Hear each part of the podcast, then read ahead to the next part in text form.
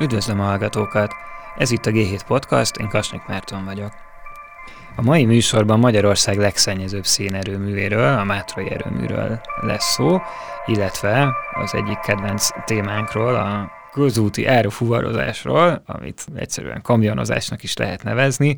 Az előbbiről Stumnya Bence kollégám írt egy nagyon érdekes cikket arról, hogy hogyan áramlik a pénz és a szennyezési jogok az állam és Mészáros Lőrinc cégcsoportja között. Az utóbbiról pedig Torontári Zoli írt egy nagyon érdekes riportot, úgyhogy most erről a két témáról fogunk beszélgetni ma. De mielőtt még rátérnénk ezekre a témákra, annyit még be kell harangoznom, hogy a következő élő rendezvényünk december 11-én lesz este 7 órakor. Csikán Attila és Pete Péter fognak beszélgetni a magyar közgazdász képzésről. A részletekről majd többet elárulunk a következő hetekben. A múlt héten beszélgettünk egy órát Mészáros Lőrincről újságíró vendégeimmel, és hát az volt a vicces, hogy éppen amikor ment a beszélgetés, akkor kaptuk az értesítést a telefonra, hogy megjelent a Béten egy közlemény, amiben az volt, hogy a Mészáros Lőrinc féle tőzsdén lévő cégcsoport, ez az Opus NRT, el akarja adni a Mátrai erőművet az állami tulajdonban lévő MVM-nek, legalábbis aláírtak erről egy szándéknyilatkozatot, még nem kötötték meg teljesen az üzletet, úgyhogy nem is lehet tudni, hogy mi a vételár, meg, mi, meg egyáltalán lesz-e vételár. Most arról fogunk beszélgetni Stubnya Bence kollégámmal, aki írta a héten egy cikket a Mátrai erőműnek az üzleti ügyeiről, hogy mi lehet ennek a hátterében igazából. Szia, Bence! Üdvözlöm a hallgatókat! Na most szerintem ugye az egyik kérdés az, ami rögtön felvetődhet itt, az az, hogy nemrég vették meg egyáltalán ezt az erőművet, akkor mi az Istenért akarják most eladni rögtön? Hát ez egy fogós kérdés, mert hogyha megnézzük ennek az erőműnek a, a gazdálkodását, akkor az látszik, hogy évek óta csökken az árbevétel, éppen hogy nyereséges volt egészen 2017-ig, amikor csinált egy óriási 9 milliárdos veszteséget, aztán utána volt egy átszervezés, szóval 2018-ban így is 795 milliós veszteséget könyvelt el a adózás után. Tehát adózás előtt volt egy minimális plusz, de hogy alapjában véve ez egy veszteségesen működő erőmű. Na most, hogy ennek mi az oka, az, tehát amikor ezt a cikket elkezdtem írni, akkor az is volt a kérdés, hogy ez megjelent a magyar sajtóban, amikor bejelentették ezt a szándéknyilatkozatot, ezt az MVMS szándéknyilatkozatot, hogy a széndiokszid kvótáknak van ehhez közel ennek a drágulásának. És ugye én írtam még a nyár vége fele egy cikket erről az egész széndiokszid kvóta dologról, mert ugye ez az Európai Uniónak az ilyen klímavédelmi rendszerének egy kulcs eleme, és érdekelt, hogy ez hogy működik. Nyáron ugye nagyon sok szó volt erről, és ez pont egy olyan cikkeket találtam, amiből az derült ki, hogy ez a kvóta, ez nagyon megdrágult. És ez fura is volt, hogyha ez a kvóta ennyire megdrágult, akkor miért nem volt eddig ennél jóval veszteségesebb a Mátrai erőmű. És akkor, amikor megnéztem a Mátrai erőműnek a beszámolóit, megtaláltam, hogy a 2016-os beszámolóban van egy arra vonatkozó rész, hogy határidős ügyleteket kötöttek ezekre a kvótákra, ami alapján 2020-ig nagyjából ilyen tonnánként 5-7 eurós áron tudnak széndiokszidot kibocsájtani. Ez az ár, ez most 25 euró volt idén átlagosan nagyjából, tavaly pedig 16 euró, tehát ez óriási pluszköltséget jelent. Ugye ennek a rendszernek a, a lényege az az, hogy egy bizonyos szint felett a szennyező erőműveknek plusz pénzt kell azért fizetniük, hogy szennyeznek, tehát szennyezési jogokat kell vásárolniuk. De várj, és kinek fizetik ezt a pénzt? Hát ez a rendszer ez úgy működik, hogy az Európai Unió meghatározza azt, hogy mennyi kvótát osztanak ki minden évben, és ezeket aukciókon a tagállamok eladják azoknak a gazdasági szereplőknek, akik erre kötelezve vannak, tehát jellemzően azok, akik nagy környezetszennyezéssel járó gazdasági tevékenységet végeznek. Várj, tehát minden ország kap adott mennyiségű kvótát. Igen.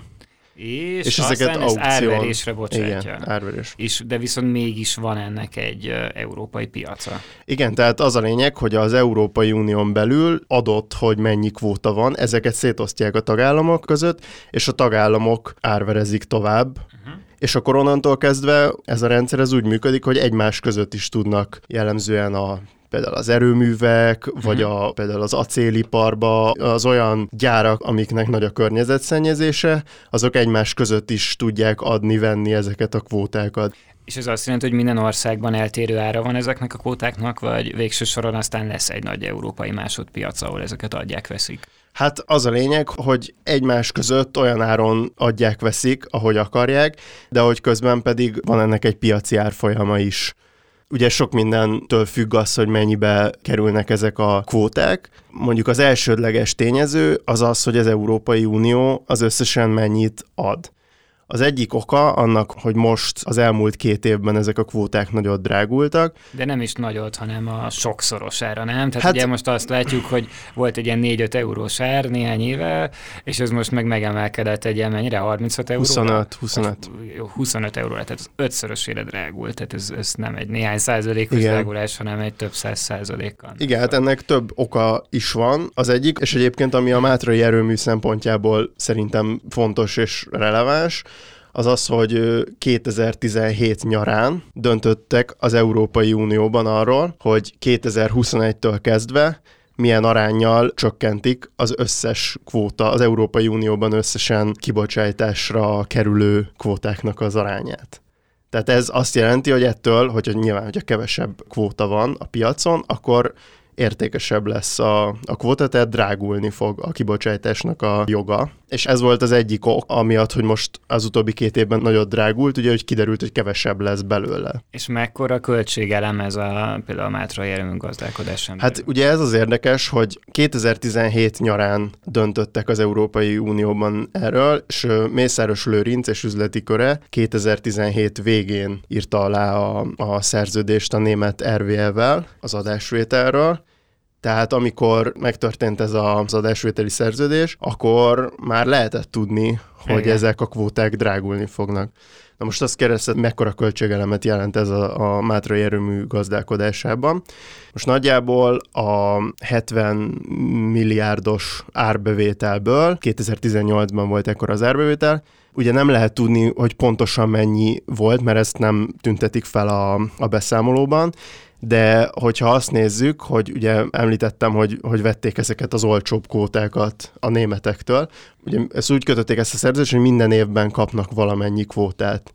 És nagyjából 2018-ra 5000 kilotonna kibocsátására elegendő széndiokszid kvótát kapnak, ez nem biztos, hogy elköltik abba az évbe, de hogyha úgy vesszük, hogy megnézzük, hogy abban az évben ez mennyiért vették, akkor ez nagyjából 10 milliárd forintra jön ki Uh-huh. ami ugye a hetede az árbevételnek. Na most, ami az érdekes, hogyha megnézzük ezt a 2016-os beszámolót, 5-7 euró között, tehát 2020-ig kapnak ennyiért, és hát arról nem tudunk, hogy 2021-től kapnak-e olcsóbb kvótát. Hát már pedig miért kapnának, Már pedig pedig most, miért- már, most már nem az RVL csoporthoz Most igen, hanem igen. egy magában áll az Opusban a... Igen, és hogyha, és hogyha nem kapnak, akkor viszont, hogyha a, a mostani piaci árral számolunk, Sőt, gondolom azzal is számolhatunk, hogy lehet, hogy még ennél is magasabb lesz, hiszen ugye még kevesebb kóta lesz addigra.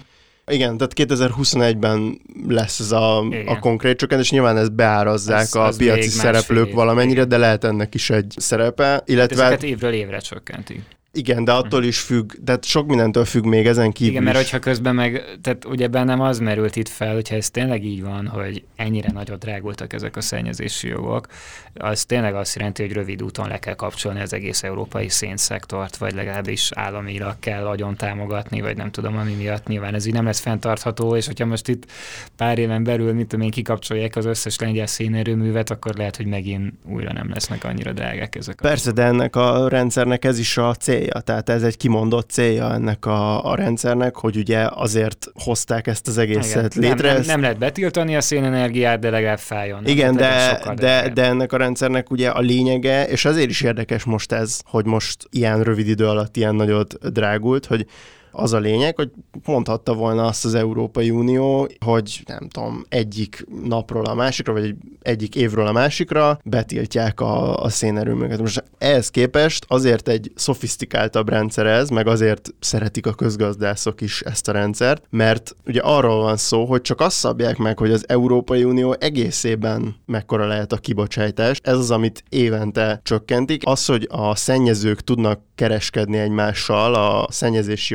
jogokkal, az azt segíti elő, hogy ott csökkentsék a kibocsátást, ahol a leghatékonyabban tudják, hiszen hogyha valaki azt mondja, hogy akkor nekem van X kvótám, én azt mondjuk eladom, és cserébe fejlesztem a, az erőművemet, alacsonyabb kibocsátású technológiába ruházok be, akkor azzal el tudom kerülni azt, hogy kvótákat kelljen vásárolom. Tehát a rendszernek ez a lényege. És az, hogy, hogy most a, a Mátrai erőműnél ez, ez történik, az ugye azért is érdekes, mert az eredeti célja az nem volt ennyire radikális ennek a rendszernek, de itt térhetünk egyébként vissza oda, hogy mi történt akkor, amikor a Mészáros Lőrinc és az üzleti köre megvásárolta ezt, hiszen az történt, hogy az idei év elején az eredménytartaléknak a terhére döntöttek osztalékfizetés mellett. Most mindez azért érdekes, mert amíg az RVE volt a tulajdonos, addig a nyerességből az eredménytartalékot növelni tudták. Végülis ez egy felelős gazdálkodás, hiszen tudták, hogy ez egy egy szénerőmű, lehetett tudni azt, hogy ez előbb-utóbb nem fog beleférni. De egyébként volt törvény, ami kényszerítette arra az erviet, hogy félretegyen, vagy ezt maguk egy ilyen hosszú távú ez, tehát a, miatt csinálták? A beszámoló alapján ez csak látszik, hogy az eredménytartalék az addig növekedett, Aha. 57 milliárd forint volt az eredménytartalék akkor. Ami nem kevés pénz, azért ami nem egy, kevés. majdnem egy egész év bevétele most már a, a cégnek. Igen. Tehát, igen, tehát Igen. nem is nyereség, hanem, hanem bevétel. Igen, ez, és ez, hogy... Ez, ez egy tíz évnyi felhalmozásnak lehet az eredménye kb.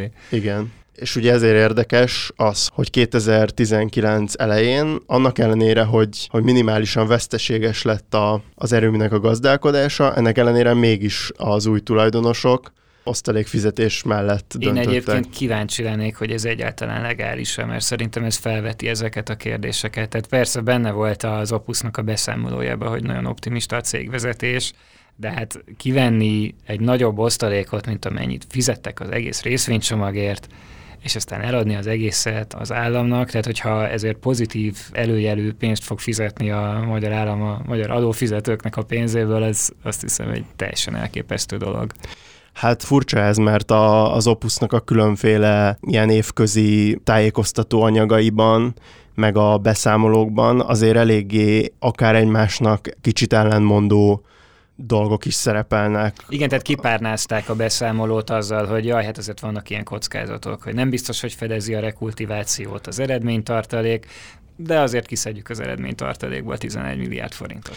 A rekultiváció az, az egy céltartalék volt, tehát hogy az nem az eredménytartaléknak. Uh-huh. Ugye az van, hogy tehát most eddig arról beszéltünk, hogy a tehát az volt a törvényileg kötött a céltartalék, amit a bányának a rekultivációjára igen, kell tehát, majd fordítani, miután abba hagyják. Ugye igen, tehát ez egy... Ott van egy elég nagy ilyen csúnya külszíni fejtéses bánya ott Visontánál.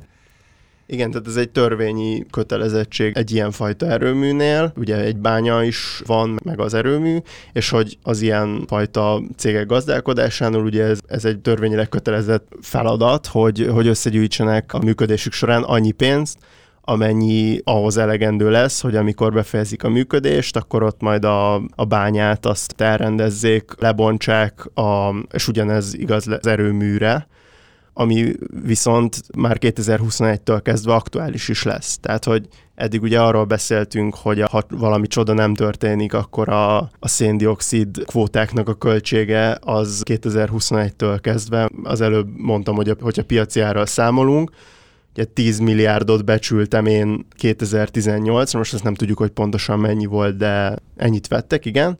Viszont 2021-től kezdve, hogyha kibocsátás ugyanannyi marad, amennyi 2018-ban volt, az árbevétel ugyanannyi marad, amennyi mondjuk egyébként ugye eddig minden évben csökkent, de hogy feltételezzük, hogy 2021-ben most csak a példakedőért ugyanannyi marad, akkor a kvótáknak a költsége az árbevétel több mint felét fogja elvinni, tehát ilyen 40 milliárdos körüli összeget becsültem én. És a másik dolog, hogy ugye aktuális lesz ez a rekultivációs téma is 2021-től kezdve. Ez ugye már a beszámolókban megtalálható, hogy mi az a terv, ami alapján ezt végig fogják vinni. Ugye az van, hogy van öt szenes blokk, ez egy nagyon régi erőmű, ezek nincsenek jó állapotban és ezeket a beszámolókban már szerepel, hogy hogy fogják elbontani, tehát 2021-ben kettőt fognak leállítani, és 2029-ig pedig még hármat, tehát az ötszenes blokk az így fog leállni.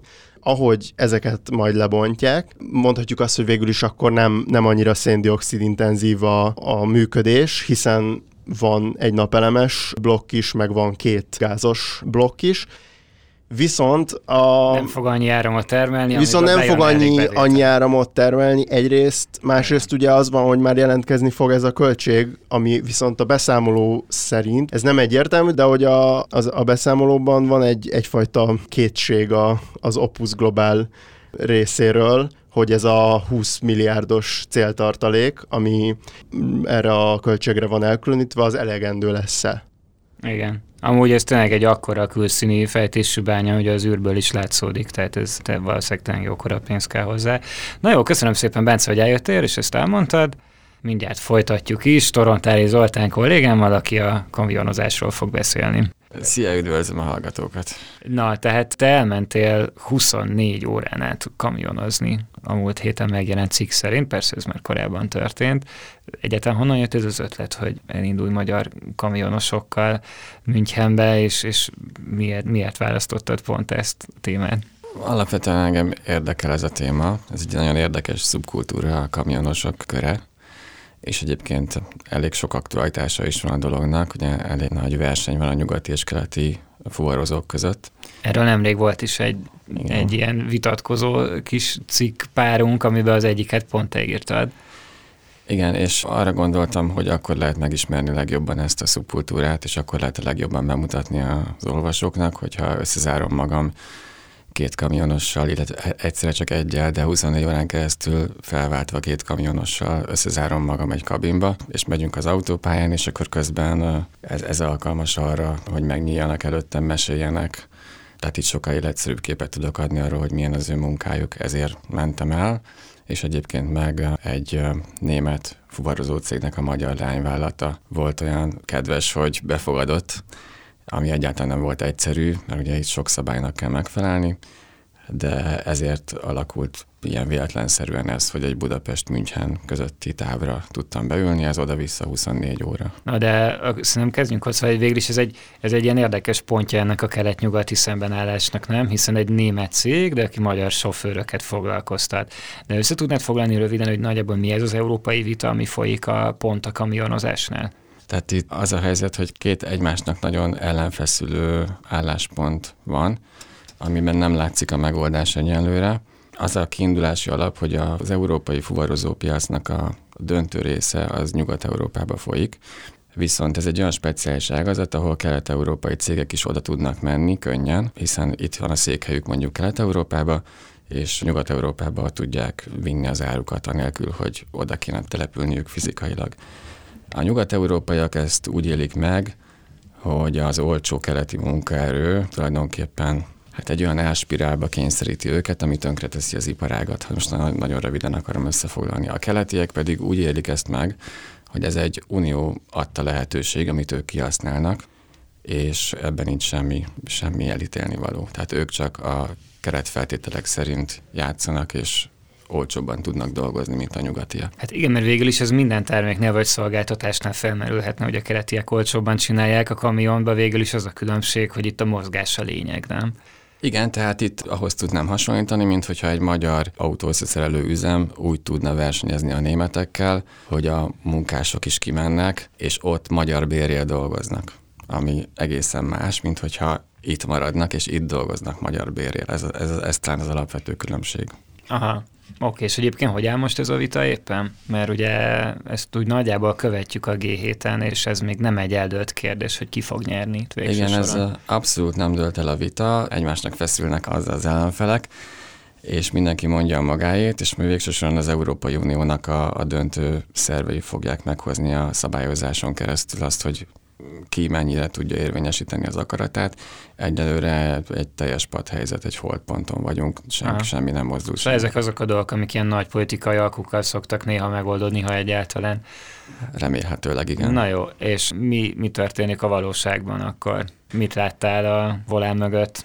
Ugye valóságban az érdekes, hogyha valaki beül 24 órára egy fülkébe egy kamionossal, vagy kettővel, vagy akár többel, akkor egy kicsit másképp fog gondolni erre a szakmára. Ha lehet ilyen személyes dolgot mondani, nekem az volt a, a benyomásom, hogy itt egy, a maguk körülményeivel megelégedett, vagy azzal kiegyezett munkavállalók vannak.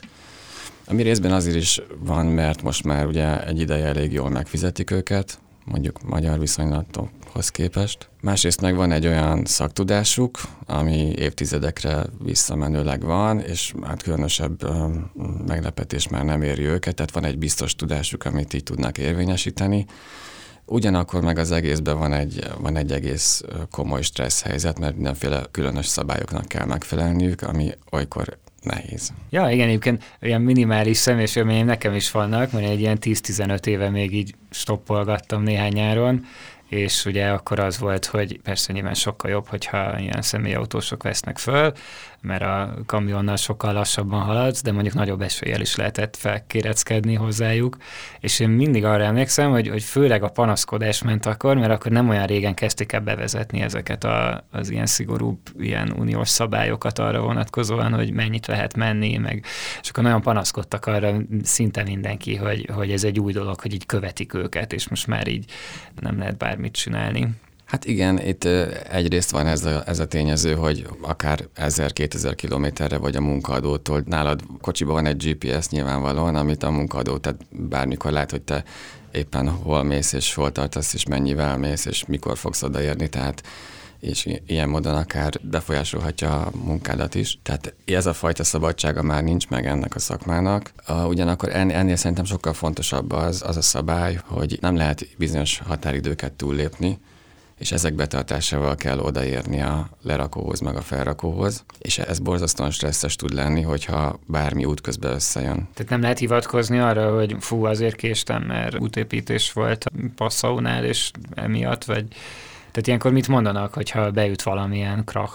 Hát nem mondanak semmit, ilyenkor az van, hogy elkésik, akkor két választása van, vagy leáll, amikor lejár a vezetés ideje, akkor leáll, mert muszáj leállnia, de akkor lehet, hogy nem ér oda, ahova szeretett volna érni.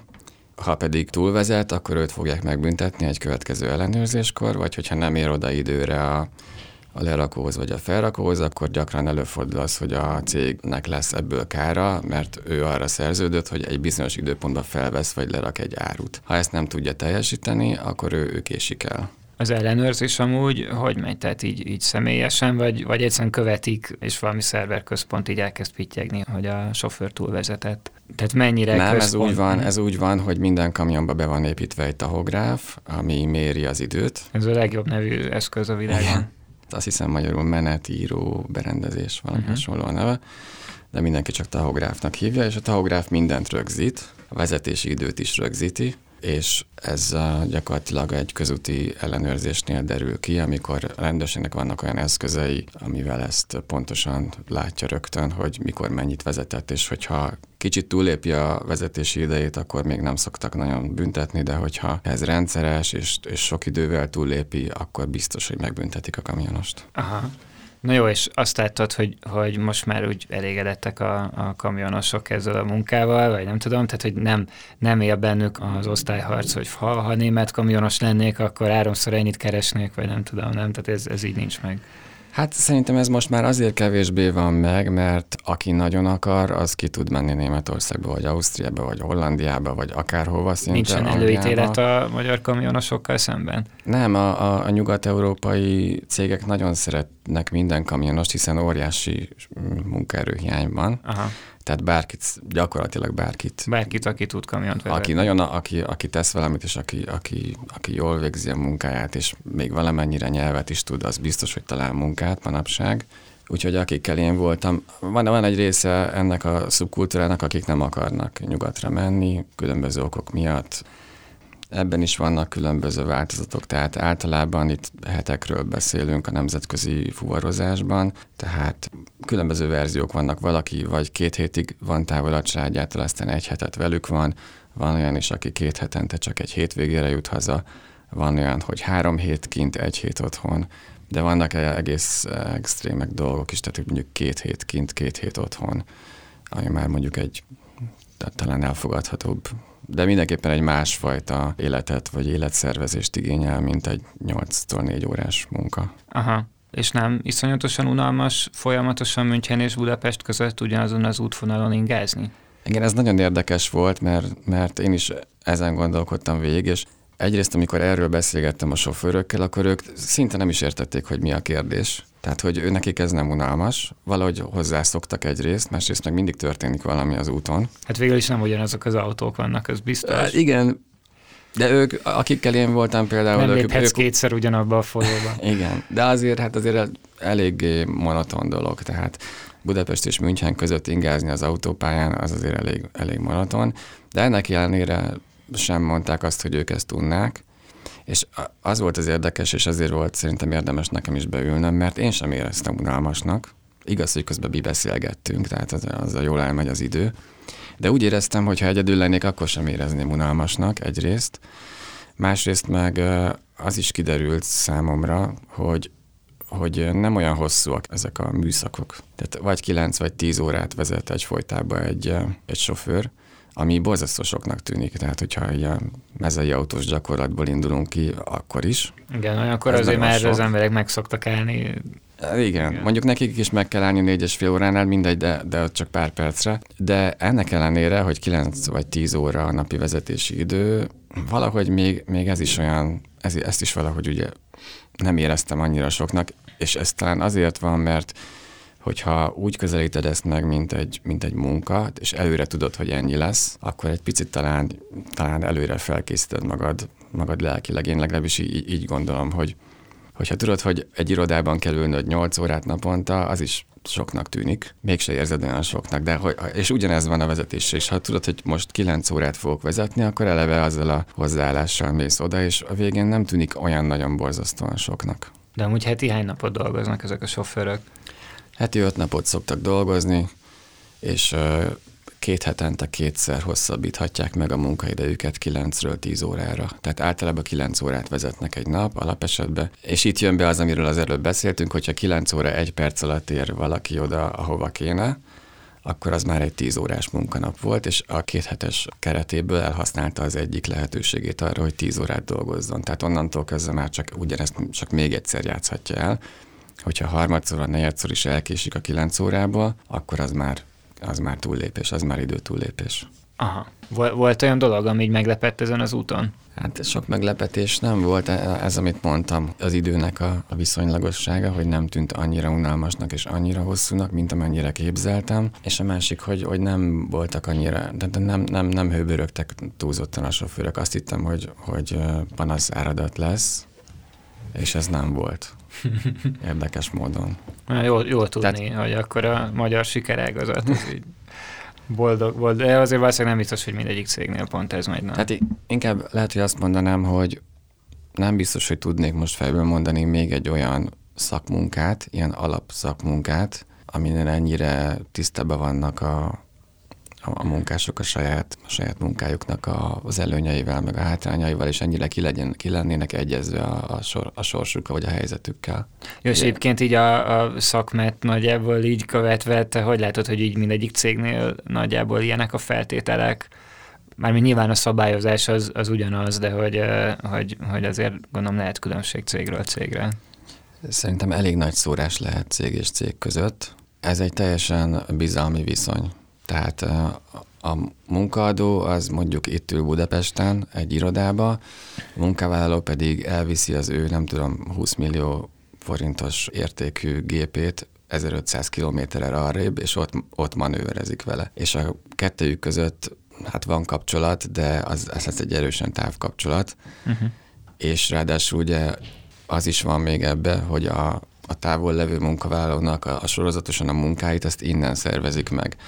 Tehát mind a két fél részéről erős bizalmi viszonyt feltételez, és hogyha ez jól működik, akkor szerintem ott az egy jól működő cég. Hogyha ez nem jól működik, és a fuvarszervező az veszekszik a sofőrrel állandóan különböző okok miatt, akkor az nyilván egy, az egy, az egy nem jó helyzet.